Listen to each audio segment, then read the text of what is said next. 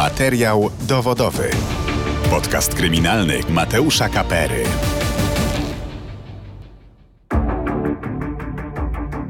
Dzień dobry, witam w specjalnym wydaniu podcastu kryminalnego Radia Z Materiał dowodowy. Dziś zajmiemy się sprawą, którą od kilku dni żyje cała Polska. Na początku tygodnia 8 maja w szpitalu zmarł 8-letni Kamil z Częstochowy.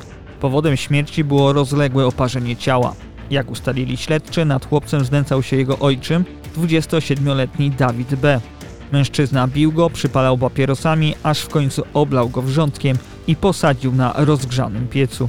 Miała być to kara dla ośmiolatka za zrzucenie na ziemię telefonu.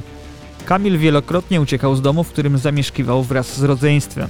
Już w 2020 roku Miejski Ośrodek Pomocy Społecznej zwrócił się do sądu o zabezpieczenie dzieci Magdaleny i Dawida B.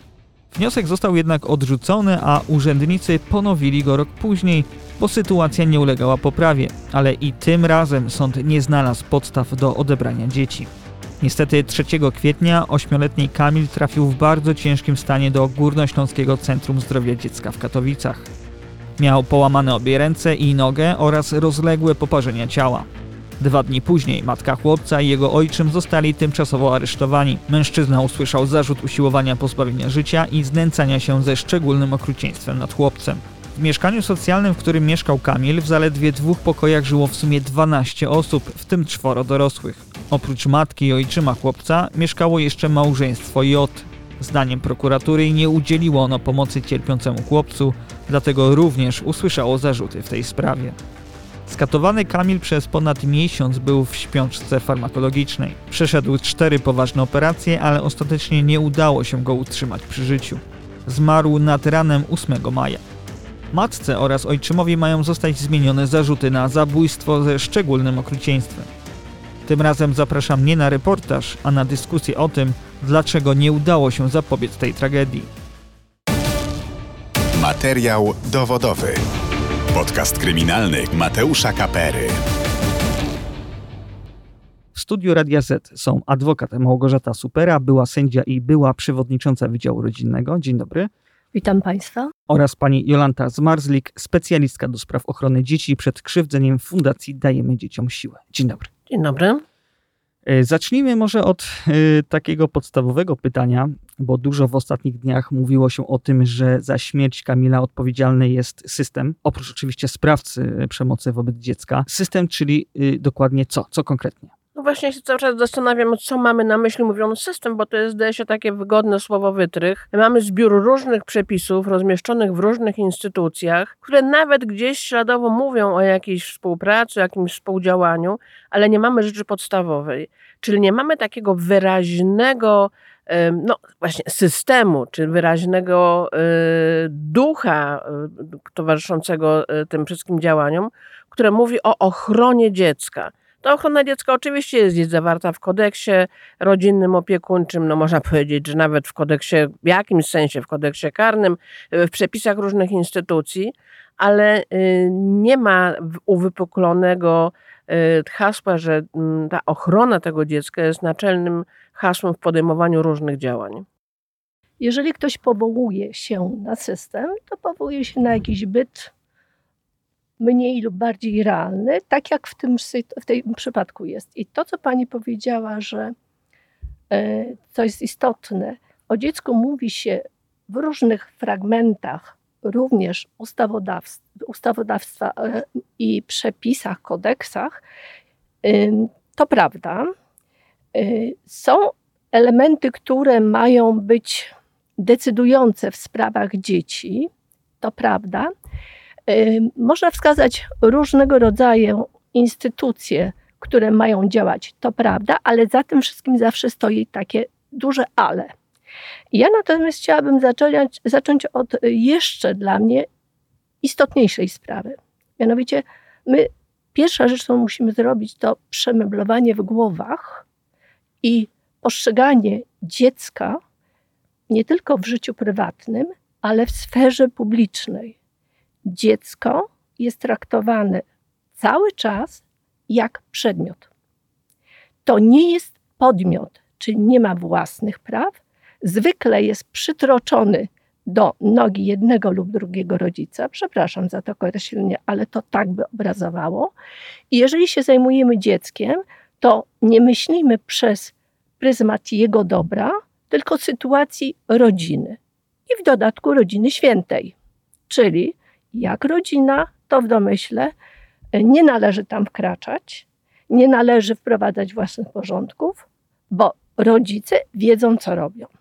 A to nieprawda. Nie ma szkoły dla rodziców, są źli i dobrzy ludzie i właśnie być powinien stworzony, stworzone ramy prawne, które może powiemy, że jest to system, spójne ramy prawne, które wypełnione przez dobre, skuteczne, wrażliwe działanie rozumiejących sytuację dzieci ludzi da gwarancję ochrony dobra dzieci. W tym konkretnym przypadku też były przecież procedury, bo to nie jest tak, że nie ma żadnych procedur. Tak, I, ale... No właśnie procedur... były, tylko dowcip polega na tym, że te procedury były nieskuteczne i też pokazywały z całą ostrością, y, jak istnieje brak zaufania jednych instytucji do drugich. Czy nie ma u nas takiego zaufania, że jeżeli y, pomoc społeczna nie, nie jednokrotnie, tylko wielokrotnie zgłasza podejrzenie krzywdzenia dziecka, występuje do sądu, to sąd nie traktuje tego jako ważnego dowodu. Sąd y, traktuje mm, informacje pomocy społecznej tak, jakby to zgłosił ktoś z ulicy. Znaczy nie jest to e, dostatecznie dobra e, współpraca. W ogóle myślę sobie, że e, znaczy zrobiliśmy, ja to zrobię, duży taki kangurzy skok, ponieważ można by długo i namiętnie opowiadać o różnych elementach systemu i sposobach ochrony, ale ja mówię, myślę sobie, że do generalnej przebudowy y, dojrzał system sądów rodzinnych sposobu pracy sędziów rodzinnych. Oni są wystawieni, tak jak w sądzie, a w każdym innym sądzie, na taką indywidualną, jednostkową odpowiedzialność i pracę. On ma podjąć decyzję, on ma wydać wyrok, postanowienie, e, ma do tego mm, do pomocy kuratorów sądowych i to jest właściwie jedyne jego narzędzie. Natomiast ja obserwowałam taki w Stanach Zjednoczonych taki tryb pracy sędziów rodzinnych, kiedy oni pracują zespołowo. Sędzia rodzinny jest przewodniczącym tego zespołu, ma decydujący głos oczywiście i wydaje ważne, uświęcone, że tak powiem, e, władzą e, sędziowską postanowienie, niemniej jednak o to zapada e, przy okrągłym stole. I tam są wszystkie elementy systemu pomocy dziecku, rodzinie, pracy z rodziną, które składają się na tą decyzję. Traktowani są jak równorzędni partnerzy. Mhm. Pani adwokat, pani była sędzią. Proszę powiedzieć, jak to wyglądało, gdy, gdy miała Pani styczność z podobnymi sprawami, bo w tej sprawie, w sprawie Kamila z Częstochowy, sąd jakby wiedział o tym, że e, Miejski Ośrodek Pomocy Społecznej wielokrotnie składał e, wnioski o zabezpieczenie tych dzieci, informował sąd, że źle się dzieje. Był też kurator sądowy e, w tej rodzinie. Dlaczego sąd nie podjął jakiejś decyzji takiej skutecznej w tej sprawie, na przykład, nie wiem, odebranie dzieci? Czy to byłoby Pani zdaniem możliwe? Sędzia rzeczywiście, tak jak Pani mówiła przed chwilą, siedzi za biurkiem e, bądź stołem sędziowskim i podejmuje decyzję na podstawie otrzymanych informacji. I e, jeżeli zobaczy dziecko na sali, to już właściwie jest finał. Natomiast wcześniejszy ogląd sytuacji w rodzinie odbywa się oczami kuratora. Teraz nie wiadomo, co ten kurator w konkretnej sprawie napisał, tego nie wiemy. Była informacja z ośrodka, też nie wiemy, jak ona brzmiała, ale to właśnie jest przykład na to, jak, e, e, no wrócę do terminu system, jak ten system działa trochę na zasadzie podawania takiego gorącego kartofla. Ja swoje zrobiłem, proszę bardzo, teraz do ciebie i to gdzieś tam wpada na końcu. E, I zależnie od tego, jak ta informacja jest przekazana i na końcu, jak wrażliwa jest osoba zajmująca się sprawą, podejmowana jest decyzja. Sam proces trwa bardzo długo. E, poza tym ostatnio e, obserwuję e, taką tendencję, i to w wyniku działań polityków, że odebranie dziecka to jest rzecz, która w zasadzie nie powinna się zdarzyć, bo któż lepiej od rodziców je wychowa.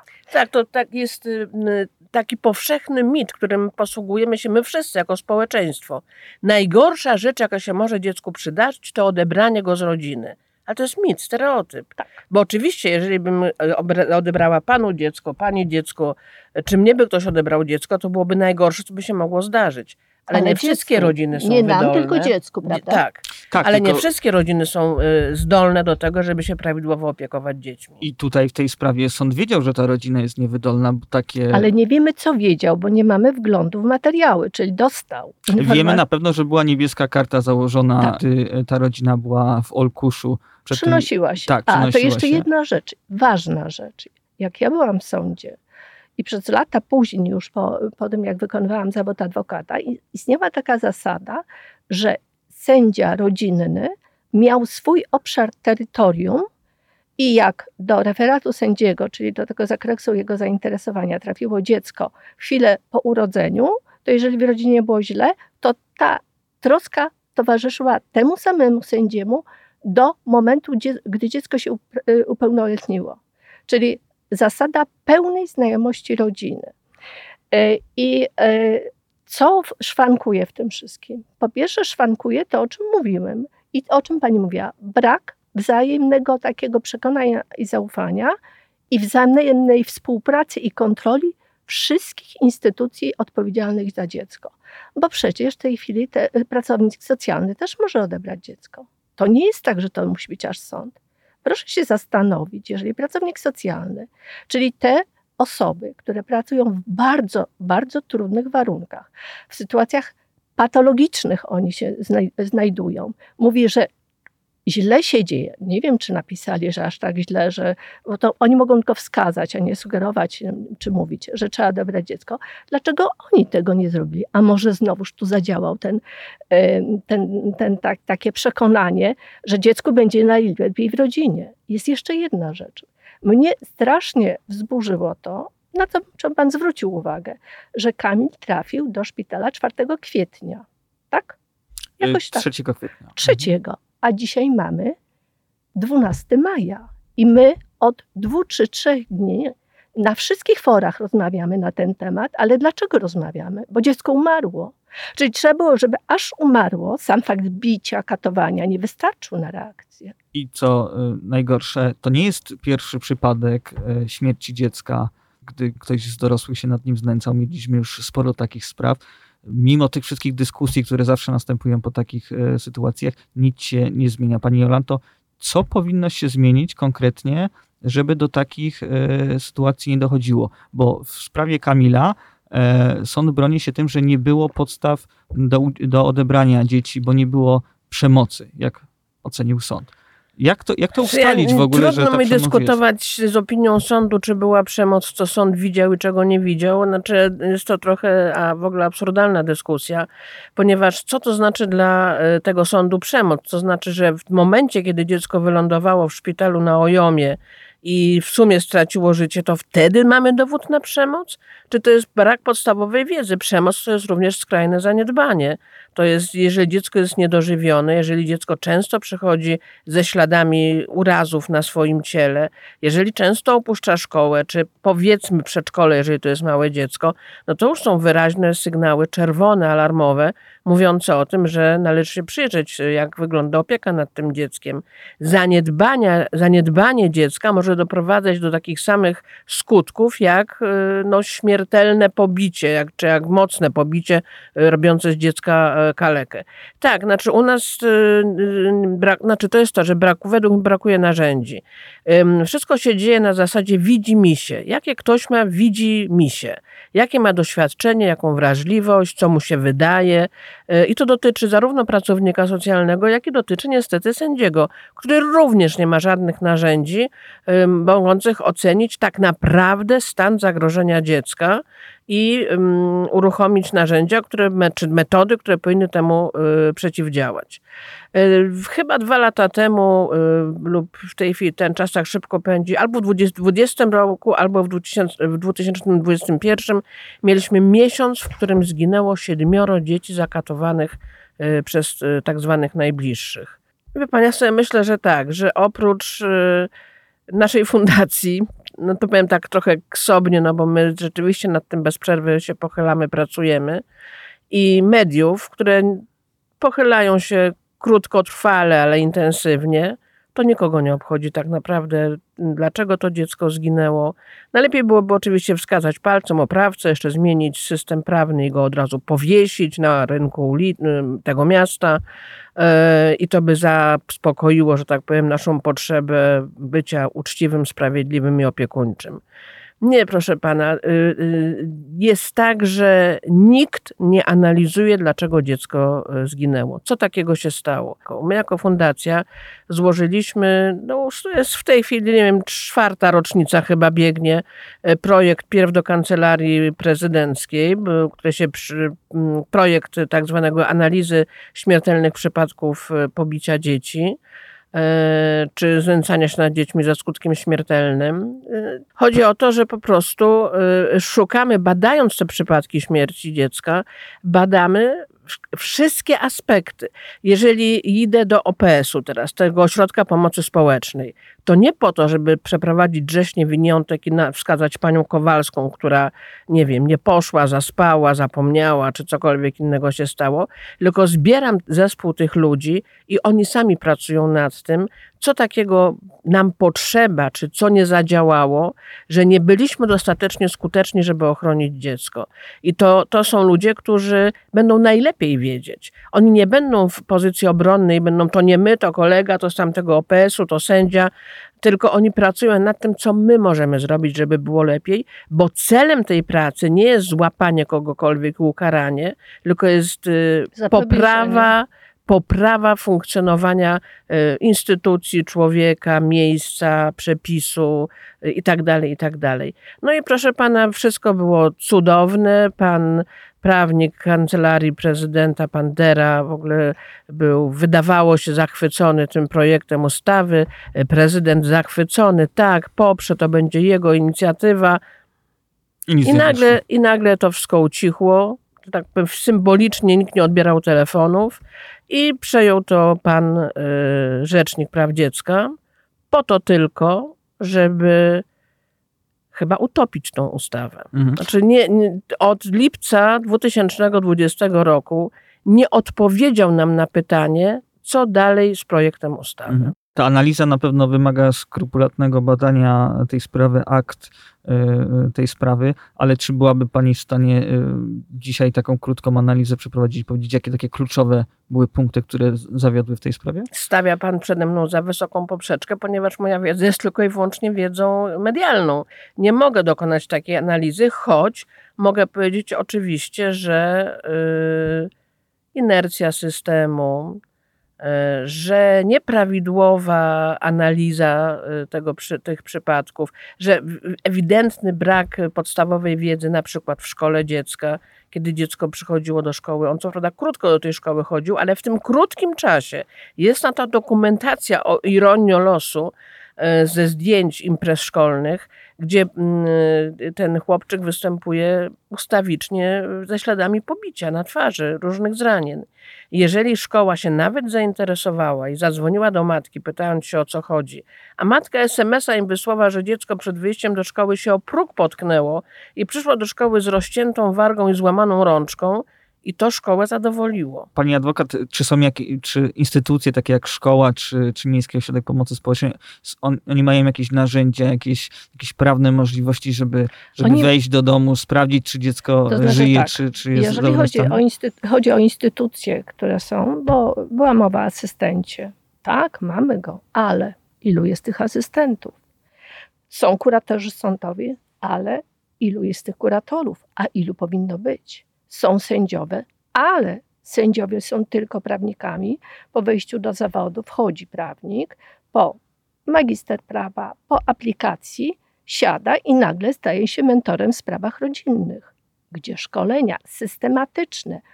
E, tylko zanim ta sprawa trafi do sądu, no to, to dziecko już dużo wcześniej cierpi. Ależ tak? Oczywiście. I na przykład I teraz... w tej sprawie mieliśmy tak, że pracownik socjalny, który chciał wejść dzień bodajże po tym, jak Dawid B E, znęcał się nad, nad, nad chłopczykiem i on już wtedy był w ciężkim stanie. E, pracownik socjalny dzień po tym chciał wejść do mieszkania i on by wtedy zobaczył to dziecko, mógłby wezwać pomoc. E, nie stało się to, bo nie został wpuszczony. Ale Czyli oni jego... nie mają żadnych narzędzi takich, żeby, żeby kontrolować stan Mają dziecka. narzędzia. Oczywiście, że mają. Jeżeli jest informacja, Tylko to wymaga wysiłku myślenia i takiego przebijania się przez mur obojętności. Jeżeli jest informacja, ja zajrzałam wczoraj na stronę e, rodzinnego e, e, ośrodka, który jest w Białymstoku. Pięknie opisane, co trzeba robić, żeby odebrać dziecko. No fantastycznie jest opisane po kolei. Pracownik wie, wzywa policję, zawiadamia lekarza, wchodzi, zabiera dziecko, co robi z dzieckiem i tak dalej.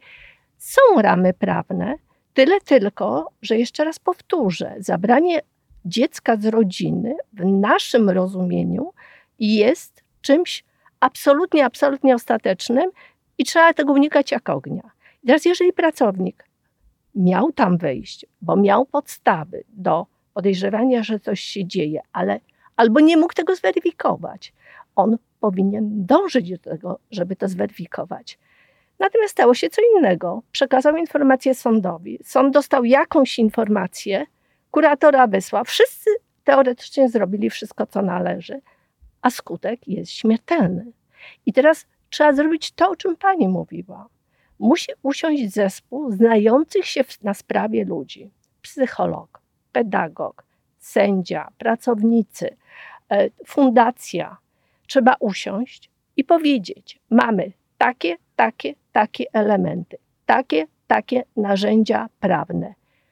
Dlaczego to zgrzyta, dlaczego działa jak wolne elektrony? Jeden ni sobie, drudzy sobie, nikt nikogo nie może później, nie ma takiej ciągłości, bo gdyby ci pracownicy czuli się odpowiedzialni i patrzyli, sędzia nic, jeszcze raz, kolejny raz, e, może byłoby lepiej. I tylko analiza tego, co się dzieje łącznie, łącznie i dlaczego się nie dzieje, pozwoli na zmianę sytuacji. Nie ucięcie ręki, nogi, oczywiście jest to niemożliwe komuś, bo to jest tylko y, działanie populistyczne. Nikt złapany winny, dziękujemy, sprawa załatwiona do następnej sytuacji. Tak strasznej. I jeszcze wrócę do tego, jak sędziowie, czym sędziowie operują. Oprócz kuratorów, mają do mm, takie narzędzie w postaci mm, badania przez zespół specjalistów sądowych. Tylko, żeby doczekać się na badanie, tam jest pedagog, psycholog, może być psychiatra, to w Warszawie czeka się na to rok albo dłużej. Cóż może się stać w takim czasie? Albo dziecko wydorośleje, albo nie daj Boże, coś mu się stanie. A sędzia jest tylko tylko i wyłącznie prawnikiem. Ja znam sędziów, którzy się dodatkowo doszkalają, ale to jest ich wola.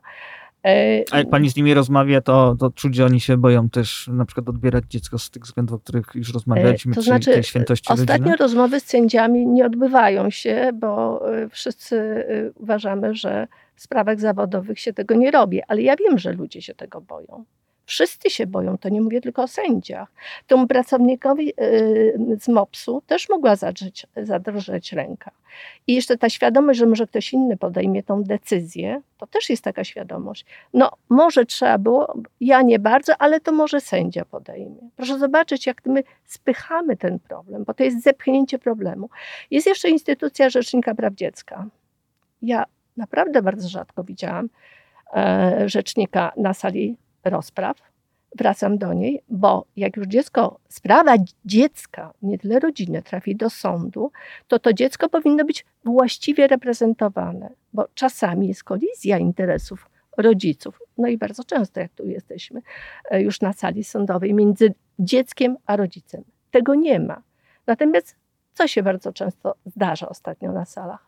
Pojawiają się różne instytucje, które pilnują, żeby dziecko nie zostało odebrane, bez względu na to, że to jest, czy to jest w interesie dziecka, czy też nie, mhm. rodziny. A jak to wygląda w innych krajach europejskich, jak Pani obserwują Norwegia. to, co się dzieje poza, poza granicami Polski? Czy, czy, czy jest lepiej, jest gorzej? Nie trudno powiedzieć, jak wygląda to w takim szerokim spektrum innych krajów, ale jest bardzo wiele krajów, na pewno w Europie, e, które mają wypracowany system po prostu, e, to są zespoły do spraw ochrony dzieci E, I oni są wyspecjalizowani. To są pracownicy socjalni, często też praw, praw, e, prawnicy, psycholodzy, e, zespoły ludzi, którzy stoją na straży interesu praw dziecka i dziecko jest dla nich głównym podmiotem działania. Nie rodzina, nie chronion, ochrona władzy rodzicielskiej, nie instytucja ochrony praw ojca, bardzo aktywne u nas w Polsce, nie przedstawiciele organizacji religijnych. No, nie,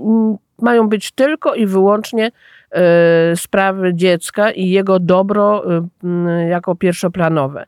E, ja jakoś nie, nie, nie mogę słuchać strasznych opowieści o Norwegii i podejrzewam, że prawdopodobnie istnieją jakieś rodziny, które zostały przez system norweski skrzywdzone, ale wie pan co, tak się składa, że do mnie te rodziny, które uciekły z Norwegii, wróciły, cudem odzyskały dziecko, e, trafiają do mnie mm, w celu no, pomożenia im po tych strasznych przejściach.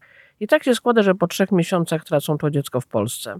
Nie bez powodu Norwegowie odbierali.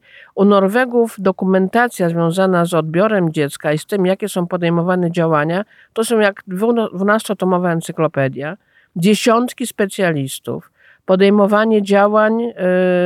Pokazujących, znaczy analizujących najdrobniejsze szczegóły, zasoby tej rodziny, dające szansę tej rodzinie, e, pokazujące drogi, które można wyjść z jakiejś trudnej sytuacji. No i teraz Norwegowie jakoś się temu podporządkowują i współpracują, albo nie współpracują i tracą dzieci. Najgorzej mają z tym e, Polacy, którzy e, oporują już na samym wstępie, bo ktoś im śmiał ich rodzinie odebrać, ukraść dziecko. Tak, bo proszę zwrócić uwagę, y, jak określamy, określamy termin relacji rodzicielsko-dziecięcych. Władza rodzicielska.